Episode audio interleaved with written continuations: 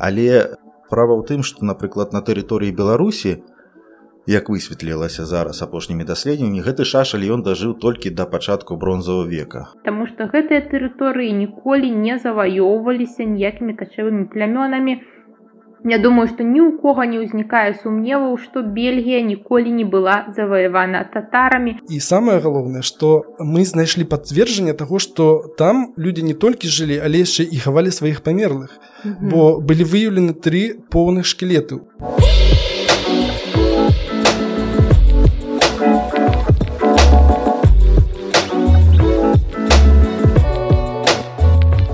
добрый дзень шаноўна гаспадарства з вами падкаст так склалася гістарычна і я дзягельганна сёння у нас незвычайны выпуск можна сказаць эксперыментальны я запрасіла некалькі госцяў каб яны расказалі пра свае самыя свежыя самыя актуальныя і нават недзе сенсацыйныя вынікі даследаванняў некаторыя з гасцей вам ужо знаёмыя нехта тут упершыню частка гасцей у дайшла да студы, а частка даслала паведамленні з-за мяжы, таму прабачце за розніцу ў якасці гуку.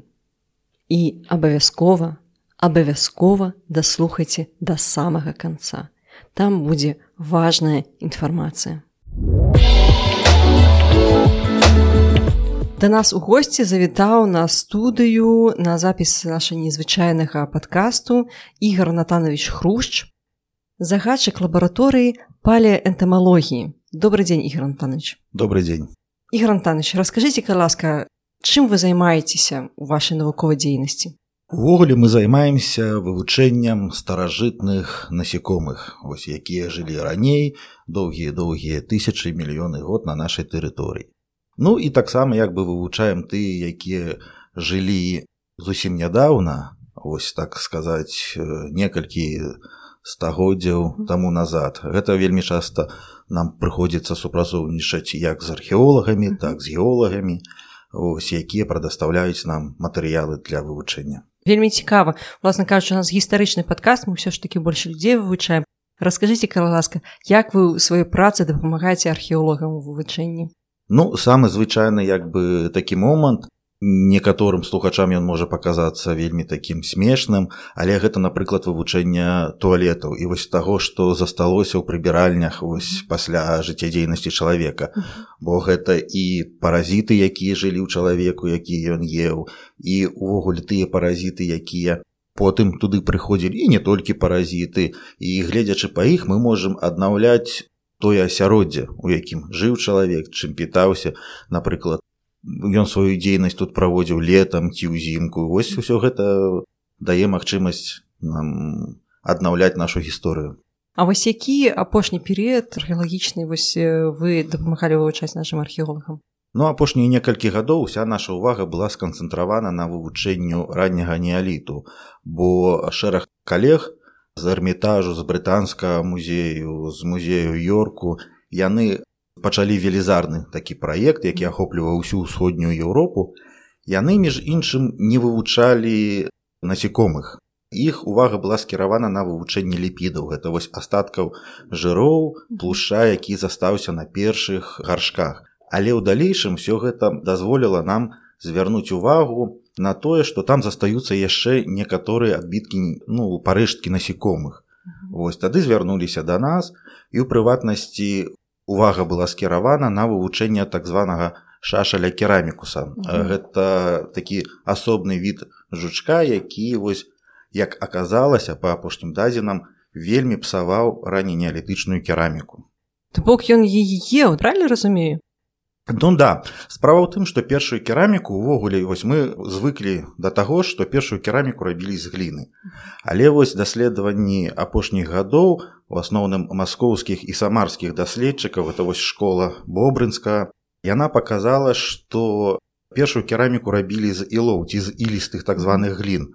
Яе бралі вось можа мы можемм уявіць вось калі толькі-толькі першыя цёплыя дзенькі пачынаюцца то мы прыходзім на рэчку і у нас просто да ног прыліпляецца вось такая некая чорная ліпкая рэч -huh. вось гэта есть тыя самыя ілы яны вельмі доўгі час накапліваліся маглі стагоддзямі і вось з гэтай масы першыя людзі ў усходняй Еўропе яны рабілі гэтыя гаршкі А справа ў тым, што гэта маса яна ўтрымлівае вельмі шмат арганічнага рэчыва, розныя водараслі, яшчэ траўкі. І вось менавіта гэтымі траўкамі вельмі любіў так ласавацца вось гэты жужаль. А наколькі вось гэтаму шашалю хапала гаршка, за колькі ён яго з'ядаў? Справа ў тым, што ласавацца вось гэтымі рэчавымі арганічнымі шашаль мог толькі з моманту, калі гаршок пачалі ляпіць і до таго моманту, як яго абпальвалі. То есть гэта быў такі невялічкі прамежутак, але справа ў тым, што было вельмі вялікая колькасць вось гэтага шашалю у той час у той перыяд.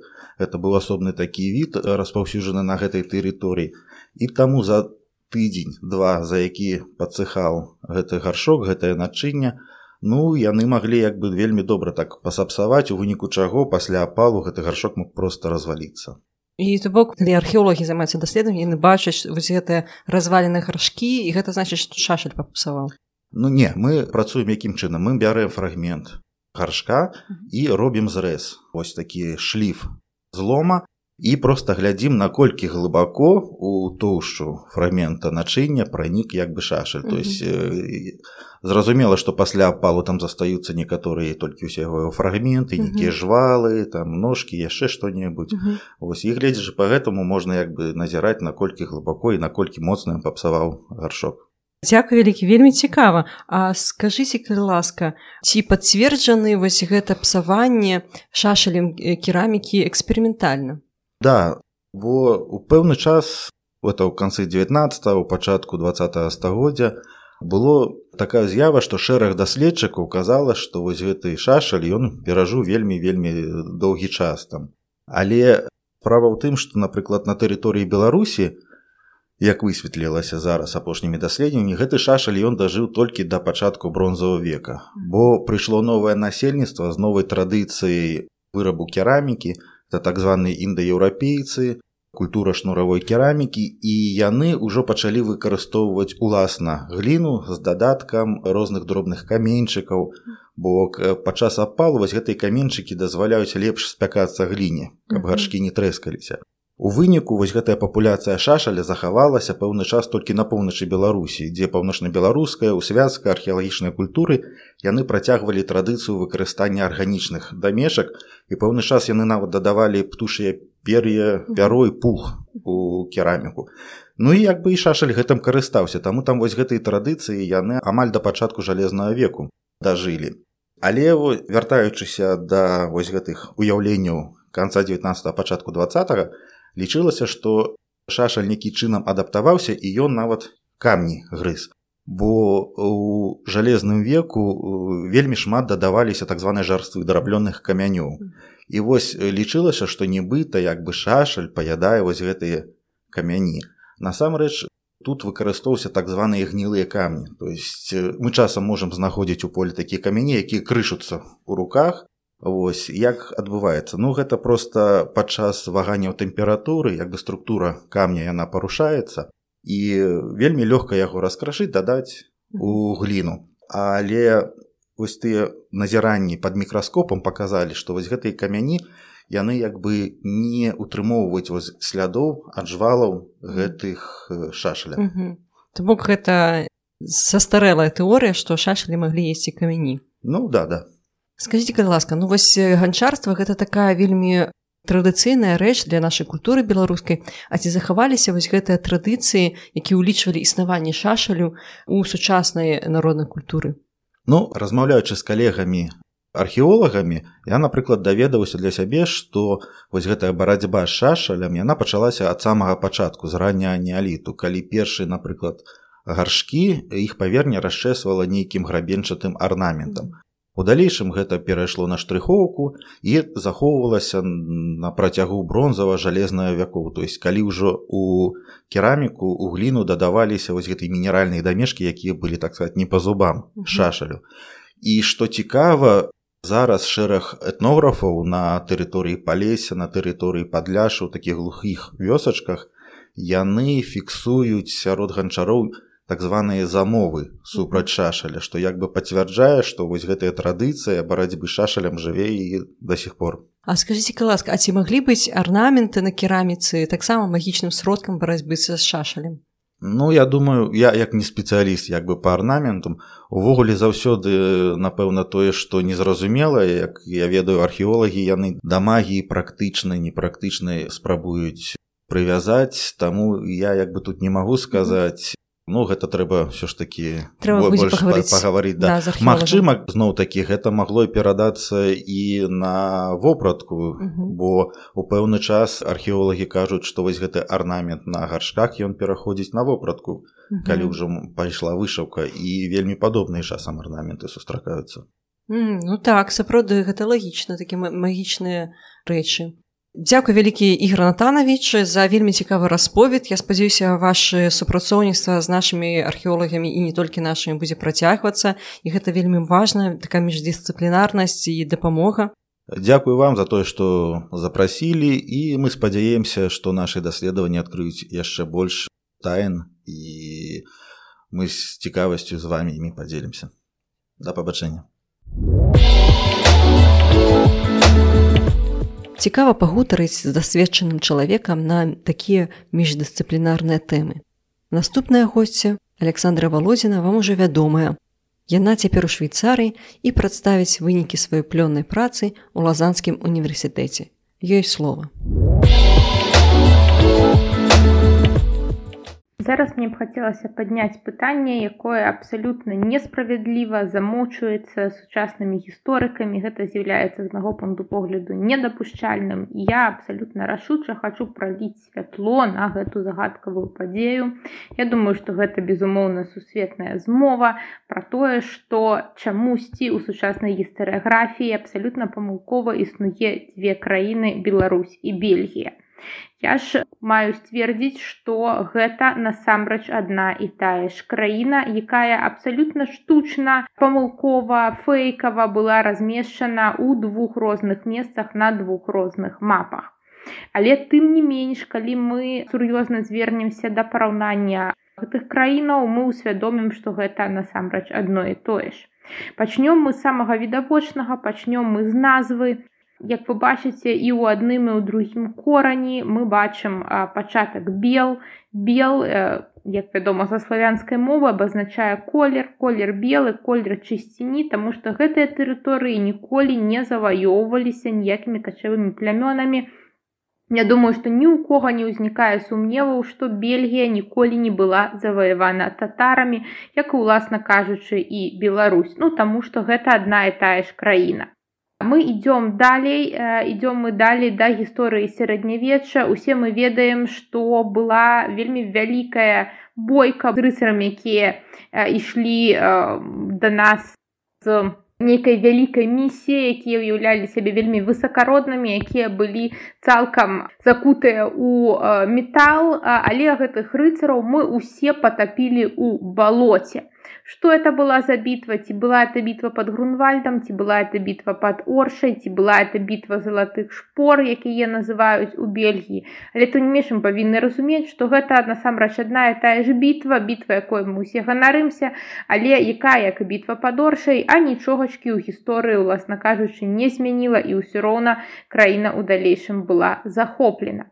Кім захоплена Ідём мы далей па гісторыі. Мы бачым наяўнасць для нашай невялікай краіны бельгіі беларусі двух вялікіх незалежных суседзяў якія ўсё жыццё стараліся перацягваць эту краіну адзін на адно адзін на адно. Ці то беларусі польша ці то францыя і англія. Магчым гэта насамрэч таксама аднолькавыя краіны але гэта пытанне дагэтуль не высветлена. Але мы уласна кажучы бачым што краіна прыняла цалкам мову аднаго з вялікіх суседзяў з'яўляецца аднамоўнай з суседам але тым не менш прысутнічае нароўні як дзве дзяржаўныя мовы і другая мова. Ну а носьбіты той вялікай дзяржаўнай мовы насамрэч абсалютна ненавідзяць прадстаўнікоў суседняй вялікай дзяржавы хоць і падзяляюць з імі мову. Ну уласна кажучы гэта аднолькавая мадэль. Усе анекдоты усе зневажлівыя гісторыі яны распаўсюджваюцца на абедзве краіны анекдоты ў плане чаму на дарозе на аўтастрадах стаіць падсветка ну таму што яны без падсветкі не могуць знайсці руль уночы калі мы ідём далей мы ўсе ведаем што самая страшная катастрофа гэта была першая сусветная вайна. Мы ведаем што на тэрыторыі менавіта гэтай краіны быў упершыню прыменены біяхімічная зброя маецца на увазе атрутны газ. Мы ведаем пра вялікія страты мы ведаем што вайна была названая вялікай ну, безумоўна гэта адна і тая ж краіна. Калі мы пяройдзем да наступнай сур'ёзнай вайны мы ўсе павінны ўбачыць што вялікая дзяржава несумненна з імперскімі амбіцыямі напала на сваю суседку на родную краіну выкарыстоўваючы тэрыторыю беларусі і бельгіі. Так мы ведаем усе гэтую гісторыю пра абыход лініі мажыно і мы ведаем зараз можемм навзіраць як па тэрыторыі вось гэтай нашай дзяржавы беларусі бельгіі. Таксама для нападзення праязджаюць войскі суседняй імперыі. Такім чынам мы можемм зрабіць выснову а ну яшчэ мы можемм зрабіць выснову пра пра строй дзяржаўны строй беларусі бельгіі тым што на чале адначасова стаіць чалавек который як бы і монарх і не монарх. Вось такая дваістасць амбівалентнасць знаходжання паміж двумя вялікімі дзяржавамі выкарыстання мовы і дваістасць незразумелая цэнтральнай улады. Монарх гэта чалавек ці не монарх іна безумоўна паказвае нам што гэта адна і тая ж дзяржава. Дзякую да ўвагу.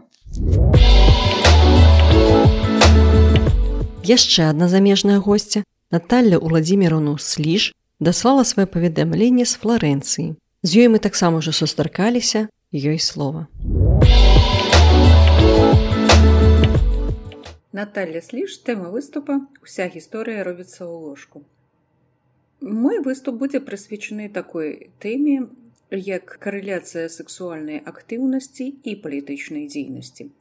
Апошняе даследаванне, якое было праведзена ў навуковым свеце, звязана непасрэдна з такімі дадзенымі, як палітычная паспяховасць кіраўніка і непасрэдна яго сексуальная актыўнасць. Узяўшы цэлы шэраг розных палітычных дзечаў за розныя перыяды часу была выведзена адпаведная карэляцыя. Чым больш сексуальнай актыўнасці у таго ці іншага палітыка, тым больш эфектыўна было яго палітычнае кіраванне. Сярод іншага у гэты пералік увайшоў вялікі князь літоўскі віталт. Так як ён вылучаўся надзвычайнымі здольнасцямі, а таксама яго перыяд кіравання ўваходзіў у вельмі паспяховы для вялікага княства літоўскага. Таму з пункту гледжання еўрапейскіх даследчыкаў яго асоба вельмі добра каралявалася для гэтай выбаркі.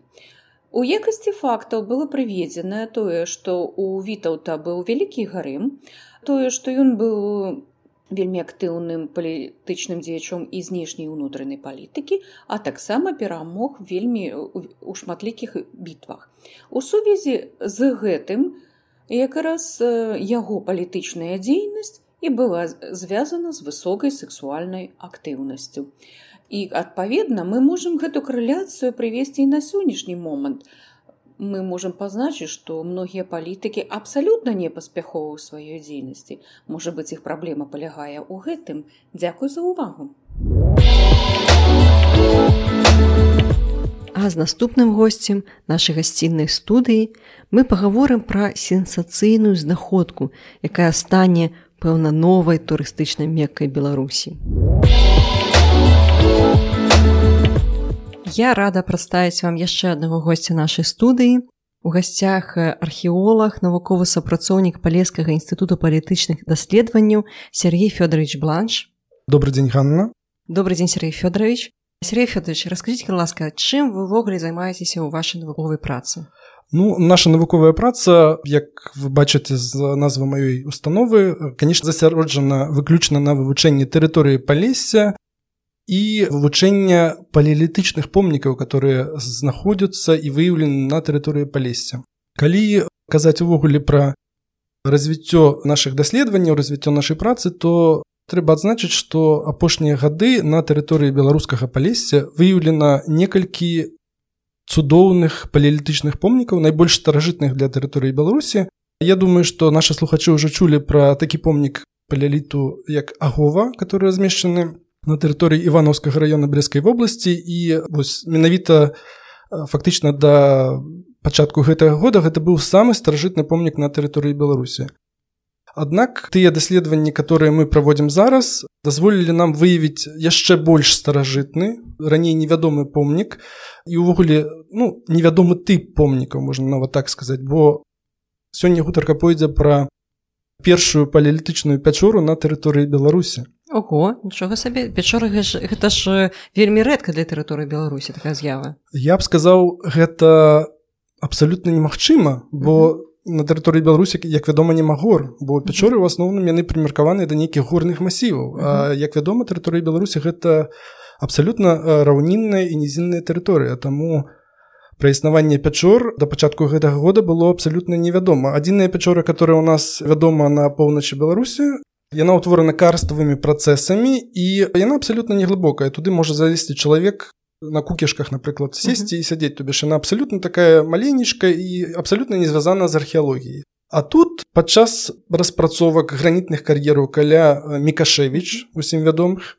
вось была выяўлена такая першая велізарная пячора которая знаходзілася на глыбіні 17 метраў пад тоўшчай граніту. Ого гэта абсалютна дзівосная сітуацыя аднак ну, гэта факт навуковы факт ужо пацверджаны. І таму мы зараз будзем высвятляць якім чынам яна апынулася на такой вялікай глыбіні і была перакрыта гранітнай масай калі казаць пра саму пячору то трэба адзначыць што гэта пячора досыць вялікая. Яна мае глыбіню каля 40 метраў так і створана трьмя камерамі такімі велізарнымі плошча которых вагаецца ад 15 до 52 метраў і што самае галоўнае што кожная з гэтых камер яна просто насычана велізарнай колькасці археалагічнымі артефактамі То бок гэта не просто прыродны аб'ект нейкі гэта менавіта культурны аб'ект там людзі жылі канешне і самае галоўнае што мы знайшлі пацверджанне таго што там людзі не толькі жылі але яшчэ і хавалі сваіх памерлых бо былі выяўлены тры поўных шкілеты у вельмі добрай захаванасці самае галоўнае што два з гэтых шкілетаў по вызначэнню наших беларускіх антрополагаў таксама гэта інфармацыя ўжо дакладна пацверджана нашими расійскімі калегамі. Належалі неандертальцу один шкілет который на жаль захаваўся не ў такім добрым стане як папярэднія шкілеты. У яго адсутнічалі ногі. Належу краманьёнцу і самае галоўнае что гэтыя шкілеты знаходзіліся ў адным стратэграфічным гарызонце што кажа пра іх адначасовае існаванне. Mm -hmm. Разам з парэшткамі людзей з коснымі рэшткамі былі знойдзены таксама шматлікія фауністычныя астанкі, фауністычныя парэшткі, якія належалі ў першую чаргу прадстаўнікам мамантавай фауны. Mm -hmm. Гэта мамант. Так? Акрамя гэтага там прысутнічаў шарсцісты насарог, лемінгі, паўночны алень, некалькі костак песца і воўка неверагодна просто. А скажите ласка акрамя парэшткаў людзей акрамя парэшткаў жывёл там знайшліся нейкія ну не ведаю парэшткі прылад працы артефакты нейкія так канешне вось глядзіце я зараз сабой прынёс адзін такі нуклюс который быў знойдзены ў гэтай пячоры вось я вам перадаю калі ласка падтрымайце гэта нічога сабе так і вы бачыце што калі мы кажам увогуле пра паляліт беларусі не толькі пэўна пра эпоху камня то трэба ведаць што на тэрыторыі беларусі асноўным матэрыялам асноўнай сыравіны для вытворчасці прылад працы з'яўляўся крэмень А што дзіўна можа не зусім дзіўна што ў гэтай пячоры асноўная колькасць артефактаў зроблена з граніту Нічога сабе. А як яны маглі яго апрацаваць? Гэта ён жа цвёрды. Это яшчэ одно пытанне на которое мы паспрабуем вам адказаць але конечно для гэтага патрэбны час. На сённяшні момант мы спрабуем высветліць якім чынам пячора апынулася на такой велізарнай глыбіні і была перакрыта гранітнай тоўшчай. Уявіце сабе 17 метров Вось мы праводзім працу сумесна з геолагамі І э, на сённяшні дзень у нас ёсць такая ну пэўна адзіная канцэпцыя, которая можа быць сапраўднай. Тое, што на самом пачатку гэта пячора знаходзілася на паверхні. Аднак у выніку прагіба зямной тоўшчы з велізарнай масы граніту яна просто апусцілася і была перакрыта нейкімі гранітнымі опаўзнямі так? То бишь ну папросту перакрыла яе гранітная маса і таму гэта дазволіла захаваць гэту пячору ў такім першазданным стане. Закансерваваць так, менавіта менавіта так. А скажитеце ласка А вось як вы думаеце гэта адбывалася паступова альбо гэта знянацку адбылося і магчыма там нехта загінуў нават пячоры? Найбольш верагодна што гэта пячора існавала досыць доўгі час. Аднак як я ўжо казаў про тое што мы знайшлі рэшткі шкілетаў трох індывідаў і першыя два з іх это неандертальцы адзін гэта краманьюніц што кажа пра тое што гэта пячора магла існаваць дзесьці да перыяду ну не пазней чым 40 тысяч год таму так? Это вось так прыблізна. Аднак мы яшчэ просто не рабілі ніякіх даследаванняў по храналогіі так? І таму дакладна адказаць мы не можемм але можемм дакладна сказаць што не пазней за 40 тысяч год гэта пячора апусцілася на глыбіню менавіта. Калі казаць пра той арудійны набор артефактаў который быў знойдзены то канешне трэба адзначыць што гэта гранітныя чоперы яны досыць масіўныя і у цэлым калі вось зараз я вам перадам глядзіце яго нельга трымаць просто адной рукой. Ён такі масіўны што яго трэба браць абедвімі рукамі і насамрэч такой прыладай ну я не ведаю толькі косткі слона пасекчы ну, же мамонт быў ну так менавіта але ж мы ведаем што у мекашевіцкіх кар'ерах акрамя мамонтавай фауны таксама прысутнічаюць больш раннія жывёлы напрыклад мастадонты так? Угу. і таму ну мы толькі пачынаем даследаваць пячору і таму я спадзяюся што у ніжэйшых адкладах мы здолеем знайсці нават людзей больш ранніх відаў чым неандерталец угу. я спадзяюся што ўсё ж такі даследаванні гэтага года нам дазволюць выявіць акрамя прылад працы што-нибудь яшчэ было знойдзена так вось зараз вы просто мяне подвялі до самага цікавага что там было ну ўсё цікава что было знойдзена ў гэтай пячоры аднак я яшчэ не сказаў про тыя малюнкі которые мы знайшлі на сценах гэтай пячоры малюнкі гэтыя гранітныя сцены пячоры яны утрымліваюць прынамсі у адной галереі мы знайшлі две выявы две выявы которые показваюць паляванне чалавека на мамонта Вось. І што самае галоўнае вось відно што людзі таго часу выкарыстоўвалі для загона маманта сабак сабак так рано ўжо сабакі а, так мы ведаем знаходкі сабак на помніках верхняга палеаліту так ёсць mm -hmm. такія знаходкі ёсць такія сведчанні аднак пра тое што сабакі былі прыручаны існавалі ў адзін час з неандертальцам менавіта як хатняя жывёла так гэтага ну да гэтага часу не было вядома mm -hmm. а так мы нават па наскальным жывапісе ўжо можам сказаць што на 100соткаў што на тэрыторыі беларусі неандертальцы палявалі на маманта з сабакамі А як вы зразумелі, што на малюнку гэта менавіта неандертальца, а не краманьёнца, напрыклад. Па-першае, сама стылістыка малюнка так мы ведаем, што неандертальцы у параўнанні з сучаснымі людзьмі, людзьмі сучаснага тыпу краманьёнцамі крышку інакш карысталіся сваёй далонню так, што ў іх быў крыху іншы хват. І відна, што гэты малюнак зроблены крыху неахайна, А таксама тое, што на малюнку паказаны такія досыць масіўныя людзі то бишь сама антропалогія выявы чалавека на, гэтай сцяне яна паказвае што гэта неандерталец А як вы зразумелі што гэта менавіта прыручаныя сабакі а не воўкі напрыклад на якіх яны таксама палююць Ну таму што на малюнку выяўлена жывёла у которой хвост калечкам да гары mm -hmm. бок это сто процентов ну так бо мы ведаем што ваўкі маюць хвасты апушчанымі дадому mm -hmm. Mm -hmm. Зразумела. Сергей Фёдорович дзякую вялікі за ваше адкрыццё скажитець апошняе пытанне калі будзе вось гэты аб'ект археалагічны адкрыты для наведвальнікаў? Я думаю што ўсё гэта здарыцца пасля таго як мы правядзем больш-менш поўнае даследаванне хоць адной з галерэй так дойдзем да матэрыку матэрыковай паверхні это раз. Па-другое трэба не забываць што у ўсё ж таки дадзены помнік знаходзіцца на тэрыторыі прадпрыемства uh -huh. так і трапіць туды не так проста бо там увесь час працуе цяжкая тэхніка і канешне у будучым я спадзяюся што гэта месца будзе цалкам музефікавана і туды можна будзе пускаць наведвальнікаў. Канешне трэба памятаць таксама пра тыя фрагменты жывапісу которые мы знайшлі на сценах яны таксама патрабуюць пэўнай кансервацыі бо вы ведаеце як у пячорах на тэрыторыі францыі так калі туды ўвесь час трапляюць людзі то жывапіс псуецца і таму канешне тут трэба правесці кансультацыі з нашымі французскімі калегамі каб ну мы просто захавалі гэта для наших нашчадкаў Дзякуй вялікі поспеху вам з вашими даследаваннямі з раскопкамі гэта сапраўды неверагоднае адкрыццё для беларусій для сусвету. Я ўпэўненая што гэты помнік будзе ўключаны ў спіс культурна спадчыны ЮНЕСКА просто незаўбаве Дзякуй вялікі што прыйшлі падзяліліся.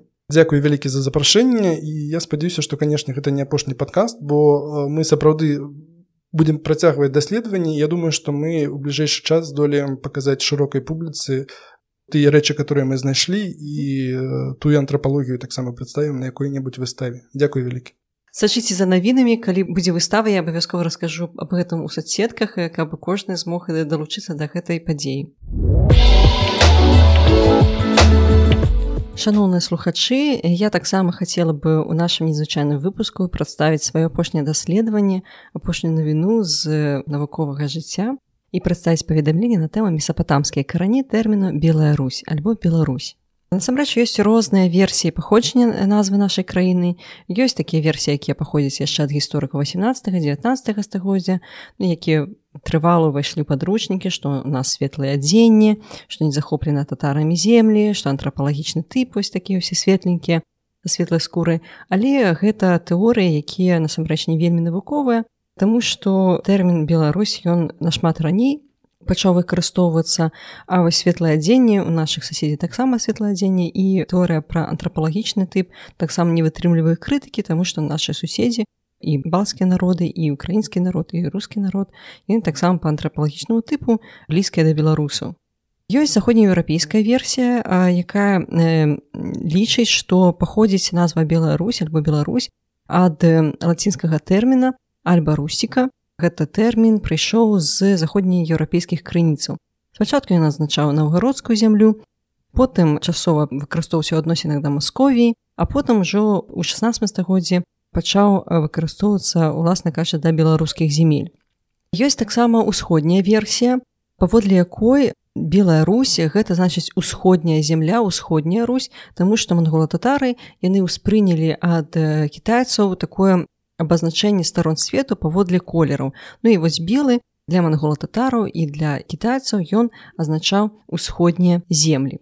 Але я як спецыяліст па гісторыі старажытнага ўсходу і старажытнага габрэйскай гісторыі у сваіх апошніх пошуках прыйшла да высновы што ў навуцы поўнасцю ігнаруецца яшчэ адна версія паходжання тэрміну белая Русь справа ў тым што ну гэта вядомы факт што вялікая княства літоўская было шмат этнічнай краіны тут былі і немцы і палякі і власна кажучы беларусы і у тым ліку пачынаючы з конца 14 стагоддзя трывала жылі вялікія абшчыны яўрэйскія яўрэйскія абшчыны з'явіліся раней але з конца 14 стагоддзя яны ўжо трывала жылі на тэрыторыі беларусі іх габрэйскія мудрацы яны былі шырока вядомыя у тым ліку вышэйшых колах шляхты вялікага княства літоўскага якая паступова пачала захапляцца такім накіраваннем навукі сярэднявечнай як астралогія. Вядома, што карані астралогіі палягаюць у старажытнай культуры месапатаміі. І натуральна, канешне, у сярэднявеччы у 14 стагоддзі 16 стагоддзі першай крыніцы не былі перакладзены старажытна-вавілонскія астралагічныя тэксты і ўсе гэтыя веды астралагічныя яны апасрэдана паходзілі з старажытна габрэйскіх тэкстаў уласна кажучы старажытна ўсходнія тэксты яны былі расшыфраваны толькі ў 19 стагоддзе а да гэтага часу галоўнай крыніцай вось гэтай старажытнай мудрасці у тым ліку астралогіі былі яўрэйскія мудрацы яўрэйскія знаўцы астралогіі.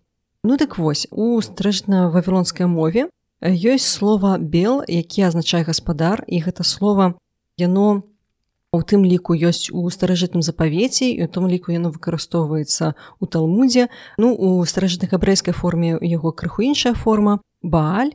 Але якасці такой інтэлектуальнай размінкі у якасці асобага шыку маглі выкарыстоўваць і бел. То бок паказвалі дасведчанасць сваю. І як вы ведаеце што адным з тытулаў вялікага князя тоскага таксама было слова гаспадар і адпаведна княства называлі гаспадарствам то бок землі дзяржавы назвалі гаспадарчыя землі гаспадарскі скарб і гэтак далей. І шляхецкая эліта інтэлектуальная вялікага княства літоўскага якая захаплялася астралогіяй яна пачала часам называць вялікага князя бел. То бок гаспадар на такі старажытна габрэйскі на такі астралагічны старажытна усходні манер. І з часам яны пачалі выкарыстоўваць адносна вялікага князя тэрмін бел а адносна яго зямель гаспадарчых Беларусь, то бок зямлі вялікага князя, то бок Русь гаспадара. Гэта таксама адлюстроўвала ідэалагічны канцэпт барацьбе за сабіранне вялікіх земель тут Великае княства літоўскае яно супрацьстаяла маскоўскай дзяржаве Маскові. І такім чынам падкрэслівалася праз тэрмін Беларусь, то бок землі гаспадара, Русь гаспадара, права Великае княства літоўскага на вось усе гэтыя старажытныя землі старажытнай Русі. І такім чынам спачатку гэта версія назвы гаспадарчых зямель Беларусь замацавалася спачатку за полачынай, якую захапіў Іван IV Іван жахлівы, каб падкрэсліць, што гэта гаспадарчая земля, гэта зямля вялікага князя літоўскага. А потым ужо распаўсюдзілася і на астатнюю сённяшнюю тэрыторыю Беларусі. Дзякуй за ўвагу, калі будуць пытанні, калі ласка пішыце каменты, буду рада на іх адказаць. Дзякуй за ўвагу, шаноўны слухачы, я спадзяюся, вам спадабаўся мой эксперыментальны выпуск. Подписывайтеся на соцсетки, ставьте лайки, пишите комменты и до новых встреч.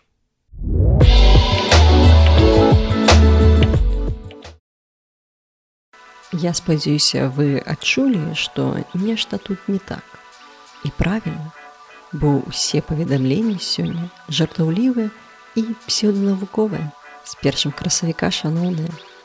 А вось што тут поўная хлусня, што паўпраўда, А што сапраўды праўда, здагадайцеся самі і пішыце ў каменты асабістыя ці ўсюды куды дацягнецеся ваше ўражанні. Буду рада пагаварыць да сустрэчы.